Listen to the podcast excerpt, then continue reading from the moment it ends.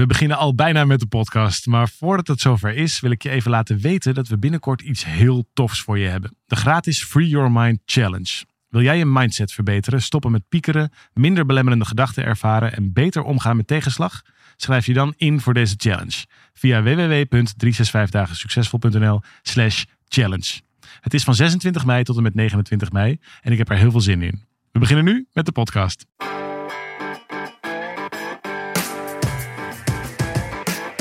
Van harte welkom bij deze podcast van 365 dagen succesvol.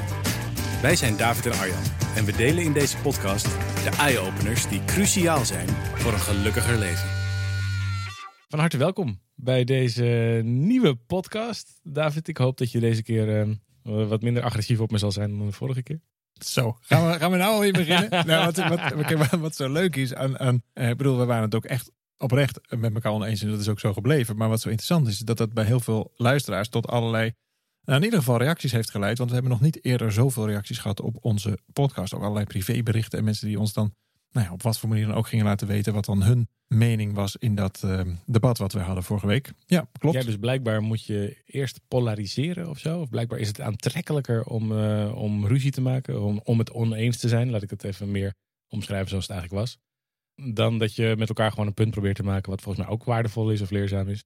Is het makkelijker of uh, doet meer op het moment dat we tegen elkaar gaan lopen roepen dat de ander het helemaal mis heeft. Misschien is het wel zo dat je als luisteraar dan beter je eigen gedachten kunt vormen. En op het moment dat wij het standaard met elkaar eens zijn, dan ben je misschien als luisteraar in eerste instantie aangewezen om een, soort tegenidee te maken om dan ergens in het midden uit te komen. Ik weet niet precies hoe dat werkt. Maar het is wel interessant. Uh, bedoel, zijn gewoon de feiten. We hebben nog niet eerder zoveel reacties gehad op een, op een podcast. Maar ik wilde er geen gewoonte van maken om, om hier nou maar een debatprogramma van te maken. Het, het, uh, ik vind het helemaal oké om het ergens, uh, ben ik zeer comfortabel mee, om, om met elkaar oneens te zijn. Het is zeker geen doel om het maar de hele tijd eens te zijn. Daar, daar, daar worden we denk ik niet wijzer van met elkaar. Nee, nee. Het is ook niet uh, ons doel om jou als luisteraar mee te nemen in een soort gelijk. Want daar gaat het ook helemaal niet over.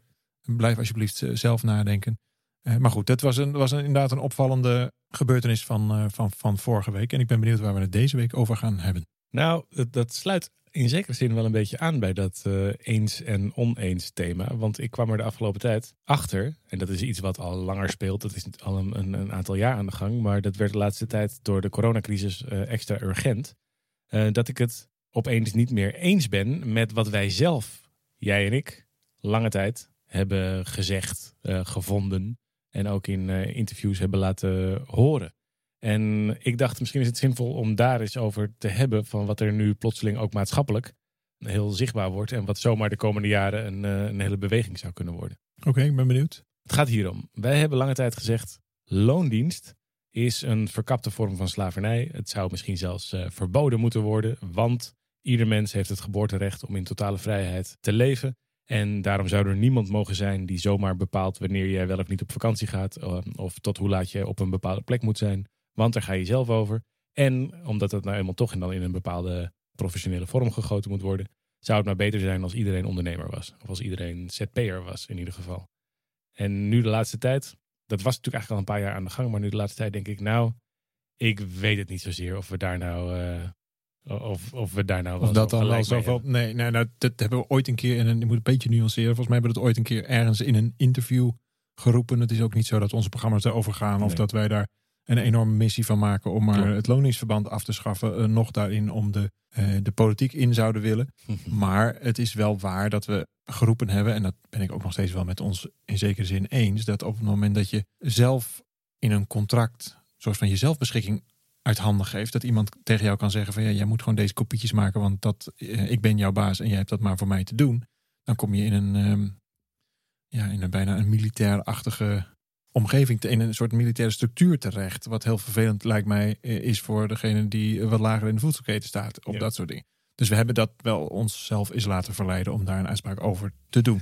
het is natuurlijk ook zo dat op het moment dat je zelfstandig bent, dat je meer, uh, meer vrijheid hebt. Ja, dat was natuurlijk de agenda erachter. Hè? De agenda was, joh, we, we, waren eigenlijk nergens tegen. We waren vooral voor. Voor een leven in vrijheid. Omdat we geloven dat, dat als je je eigen keuzes kunt maken, dat je makkelijker ook uh, je eigen innerlijke vrede Um, dat je daar contact mee maakt. Als je in vrijheid kunt leven, dat je daarmee ook makkelijker in vrede kunt leven met jezelf, omdat je niet de hele tijd de, de opdrachten van een ander hoeft uit te voeren. Maar nu is er natuurlijk opeens heel duidelijk door de coronacrisis, maar ook al de afgelopen jaren, omdat ook sowieso het maatschappelijke debat daar wat over verandert, is ook de achterkant van die vrijheid opeens heel zichtbaar. Want het wordt mij ook steeds duidelijker dat veel van die vrijheid komt met het offer van eenzaamheid. Of met het offer van zelfs um, een totaal gebrek aan bescherming. En nu ineens zie je natuurlijk doordat, er, um, doordat de economie zulke klappen krijgt.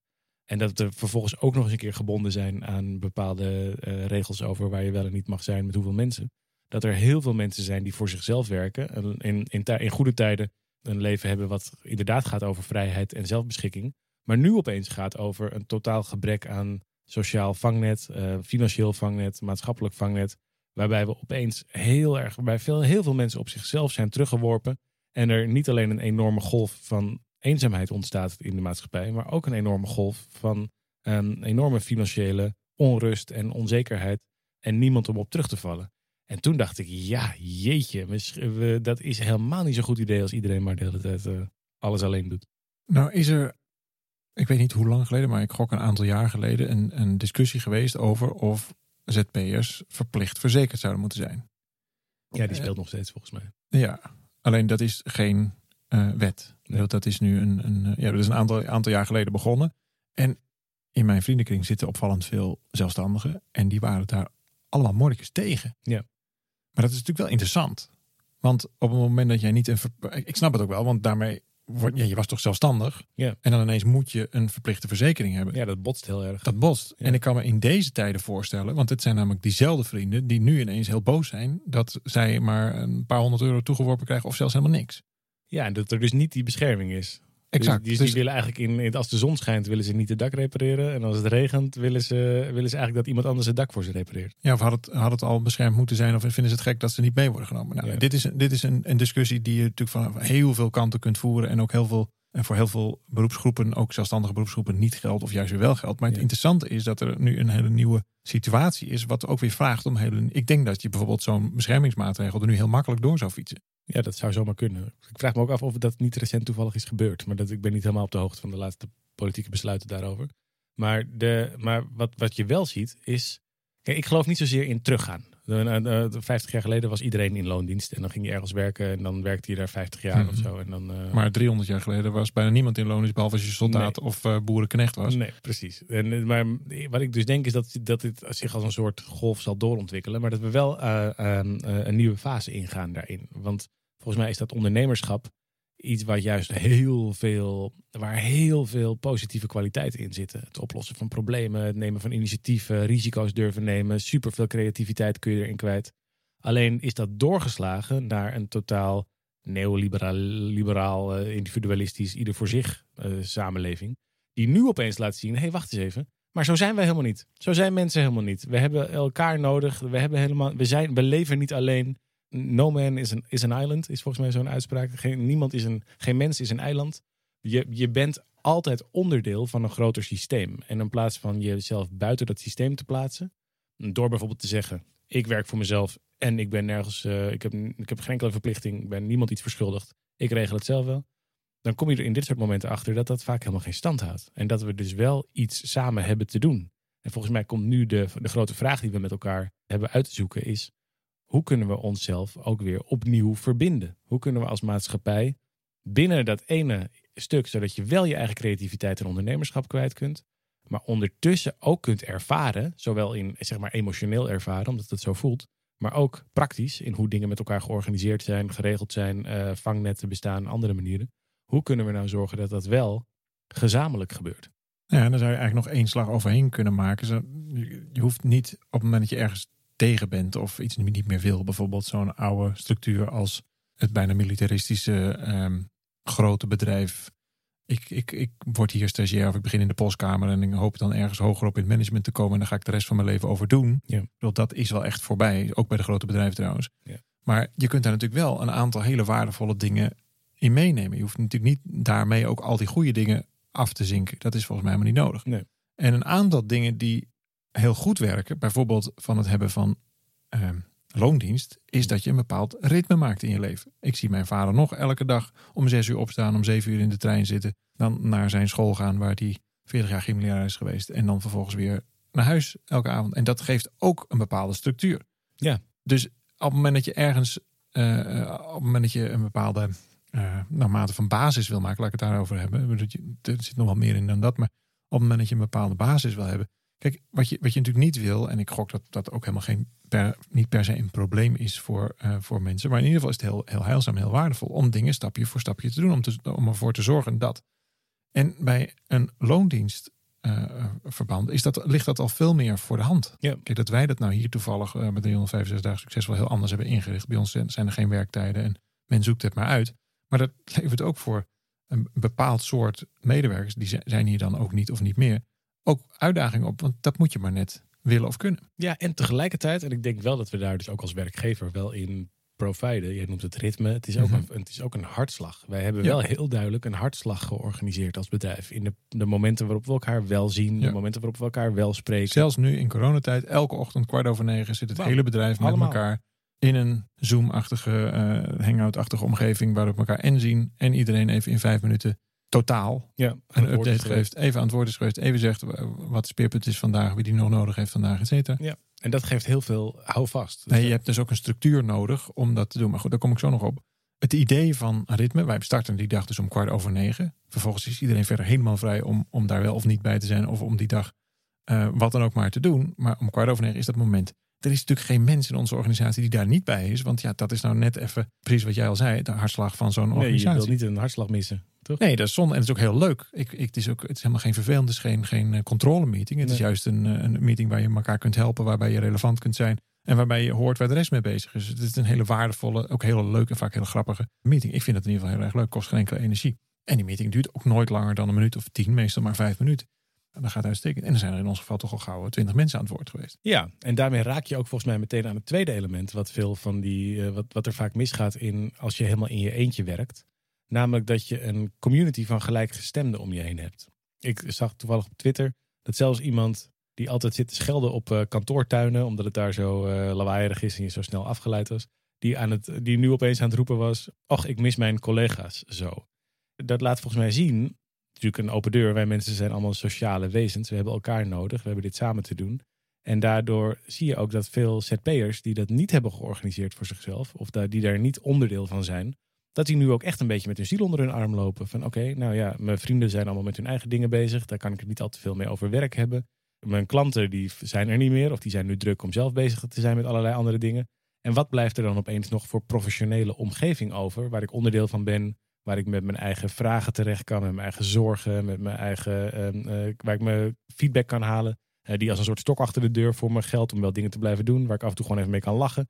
En wat blijft er opeens nu nog over, nu ik dit helemaal zo alleen moet doen? Ja, in deze tijden, eh, met, met zoveel, nou je kan het tegenwind noemen, maar in ieder geval met zoveel omstandigheid, Ja. laat het ook meteen de zwakte zien van zo'n soort manier van werken. In ieder geval bij, bij veel mensen. Een oud collega, goede vriend van ons, die eh, ook onlangs een, een, een boek publice- publiceerde, die zei het heel aardig.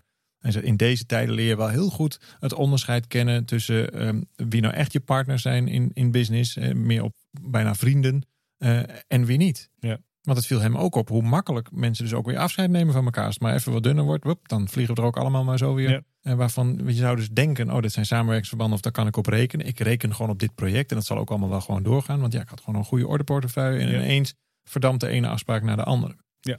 En, en dat vraagt dus om, om een nieuwe manier van organiseren, denk ik. Ja, ja, dus ritme als, heeft daar als eerste is daar een ingrediënt in. Dat je wel die hartslag bouwt, ook als je het in je eentje doet. En die tweede is dus dat je werkt met zo'n tribe, met zo'n community. Met een, een groep mensen, een groep gelijkgestemden die jou support en er voor je is. Nee, jij, jij neemt nu het woord eh, tribe in de mond. Ik denk dat het een, ehm, een aardige manier is van, van kijken. Waarom?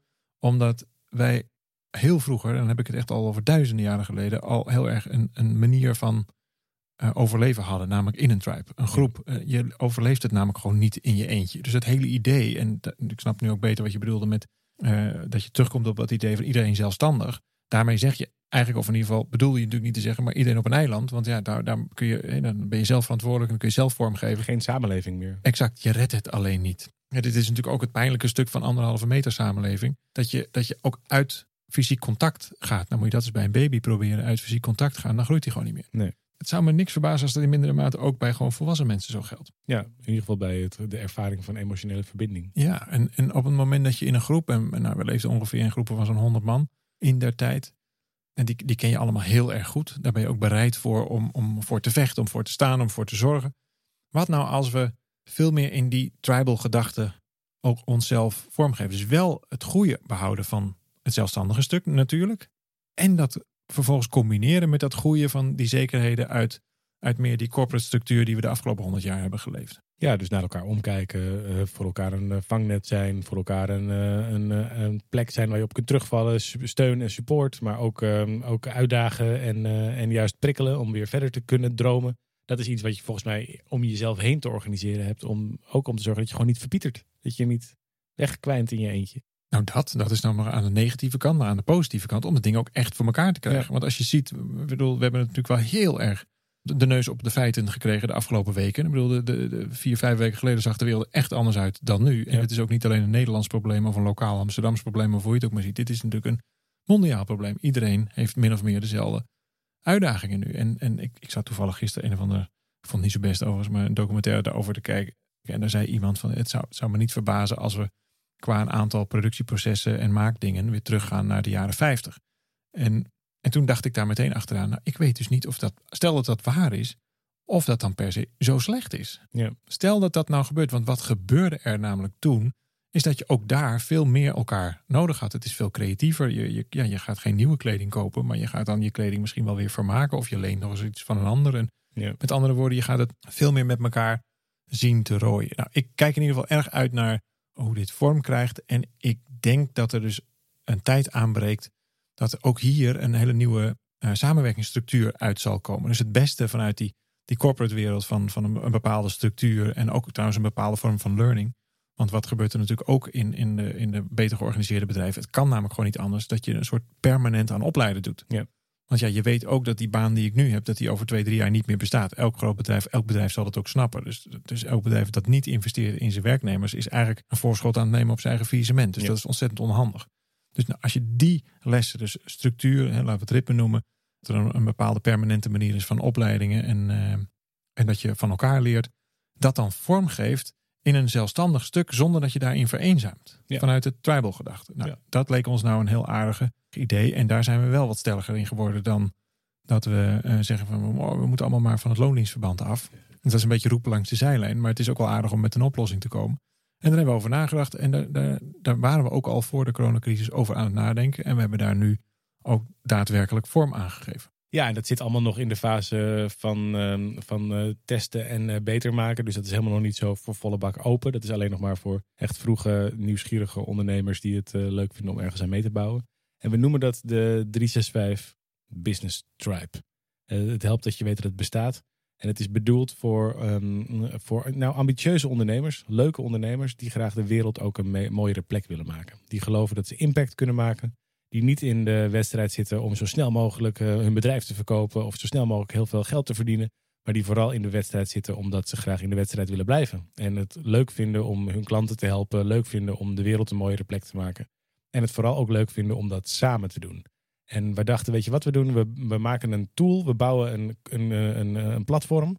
En daar kunnen die ondernemers elkaar vinden. En daar kunnen ze met elkaar in gesprek. Eh, daar kunnen ze hun vragen kwijt. En daar zullen ze dan vervolgens antwoord op krijgen. Daar kunnen ze, als het een keer moeilijk is op een dag of dingen lukken niet, vinden ze daar mensen die, voor, die er voor ze zijn. Ze vinden daar ehm, technische hulpmiddelen, templates om gewoon dingen sneller te regelen. Ze leren daar dingen over verkopen, over marketing. Eigenlijk alle dingen waar je als wat kleinere ondernemer mee rondloopt. Of je nou zelfstandig ondernemer bent of misschien met een wat kleiner team rondloopt. Ehm, dan, dan, en je hebt wel vaak die vragen over, joh, hoe doe ik dat nou, zo'n marketing funnel? Eh, hoe ga ik nou om met de druk van buitenaf? Hoe zorg ik nou dat ik een strategie maak die eigenlijk in zo'n onzekere tijd als nu, ehm, waar kan ik terecht met mijn, met mijn gedoe? Wie, wie snapt mij? Ehm, dachten wij, weet je wat, we brengen al die mensen bij elkaar. En, eh, en eh, dat zijn we nu deze weken zo langzamerhand stapje voor stapje met verschillende ondernemers aan het introduceren. De, de nieuwe 365 Business Tribe. En ik ben er zelf, ik weet niet hoe het met jou zit, maar ik ben er zelf eigenlijk wel stiekem heel erg enthousiast over. Nou ja, omdat er nog één ingrediënt in zit wat je volgens mij nog niet hebt benoemd. En dat is de wisdom of the crowd. Dus wij weten ook lang niet alles. We zijn al wel jaren ondernemer en we zullen ook daarin alles delen wat we daar al in weten. Maar het is natuurlijk zo, als je met mensen samen gaat zitten en met een beetje leuke mensen die ook uh, welwillend zijn om te delen, ja, dan krijg je natuurlijk een enorme collectieve intelligentie. En het is wel gewoon zo dat een paar honderd mensen samen een stuk meer weten dan wij met z'n tweeën of jij met jezelf. Ja. Dus dat vind ik er ontzettend leuk aan. Alle, überhaupt het hele idee om daarmee bezig te zijn. En wat ik ontzettend tof vind, is dat we dat hebben vormgegeven. Dat je daar voor een paar tientjes in de maand bij bent. Dus dat is veel meer een lidmaatschap. Je bent lid van zo'n tribe waarin we ook ondertussen uh, voor heel veel learning en automatisch voor ritme zorgen. En heel veel ontmoetingen uh, organiseren waar je ook echt wat aan hebt. Ja. Uh, en dat voor een paar tientjes in de maand. Dus ik, ik, ja, het is hartstikke positief ontvangen. Het is ook heel leuk om te zien hoe, hoe daar al mensen ons het hemd van het lijf vragen. Ja. Hoe dat allemaal werkt en of ze erbij kunnen. en dat vind ik ontzettend leuk. En dan zien we vervolgens vanuit daar wel wat er gebeurt. Maar ja, ik vind, ik vind het ontzettend leuk. Ik heb er ook heel veel ja, zin had ik al in. Maar ik heb er heel veel, hoe moet je dat zeggen? verwachting van oh ja. in, in positieve uitkomsten. Omdat ik namelijk geloof dat er een bepaald soort nieuw ondernemer nodig is. Namelijk de impact ondernemer. Ja. Um, en dat is de ondernemer die snapt, ik kan het niet zelf. Dat doet er ook niet toe. Ik wil het verschil maken in de wereld. En daarmee is het per definitie niet meer zelf of zelfstandig. Daar Ja. gaat het namelijk niet meer over. Maar het gaat over samen. Hoe kunnen we met elkaar dat beter maken? Nou, als wij nou iets kunnen toevoegen aan dat verhaal, is het hoe doe je dat dan? Wij zijn Ja. wel vanuit een zolderkamer in acht jaar tijd, wat zeg ik, in zes jaar tijd in de Ziggo beland. Ja. En daar zat gewoon een systeem achter. Dat is ook helemaal niet zo heel ingewikkeld. Maar dat systeem dat leggen we uiteraard gewoon stap voor stap uit. Zodat je daar ook zelf vorm aan kunt geven. Zodat je ook die impact kunt maken. Dus ik ben vooral heel erg benieuwd wat wij daaraan kunnen en mogen toevoegen. En welk effect dat dan vervolgens gaat sorteren. Allemaal in het licht van, ja op deze manier zou je van Nederland toch echt het gelukkigste land eh, van de wereld kunnen maken. En dat is misschien wel harder nodig dan ooit. Ja, en dat, dat vind ik ook zo mooi. En het past heel goed bij ons. Dat vind ik eigenlijk zelf wel leuk om, om nu ook tijdens dit gesprek kom ik daar eigenlijk pas achter. Want wij vinden natuurlijk nog wel eens wat van dingen. Soms ook alle twee wat anders, zoals vorige keer.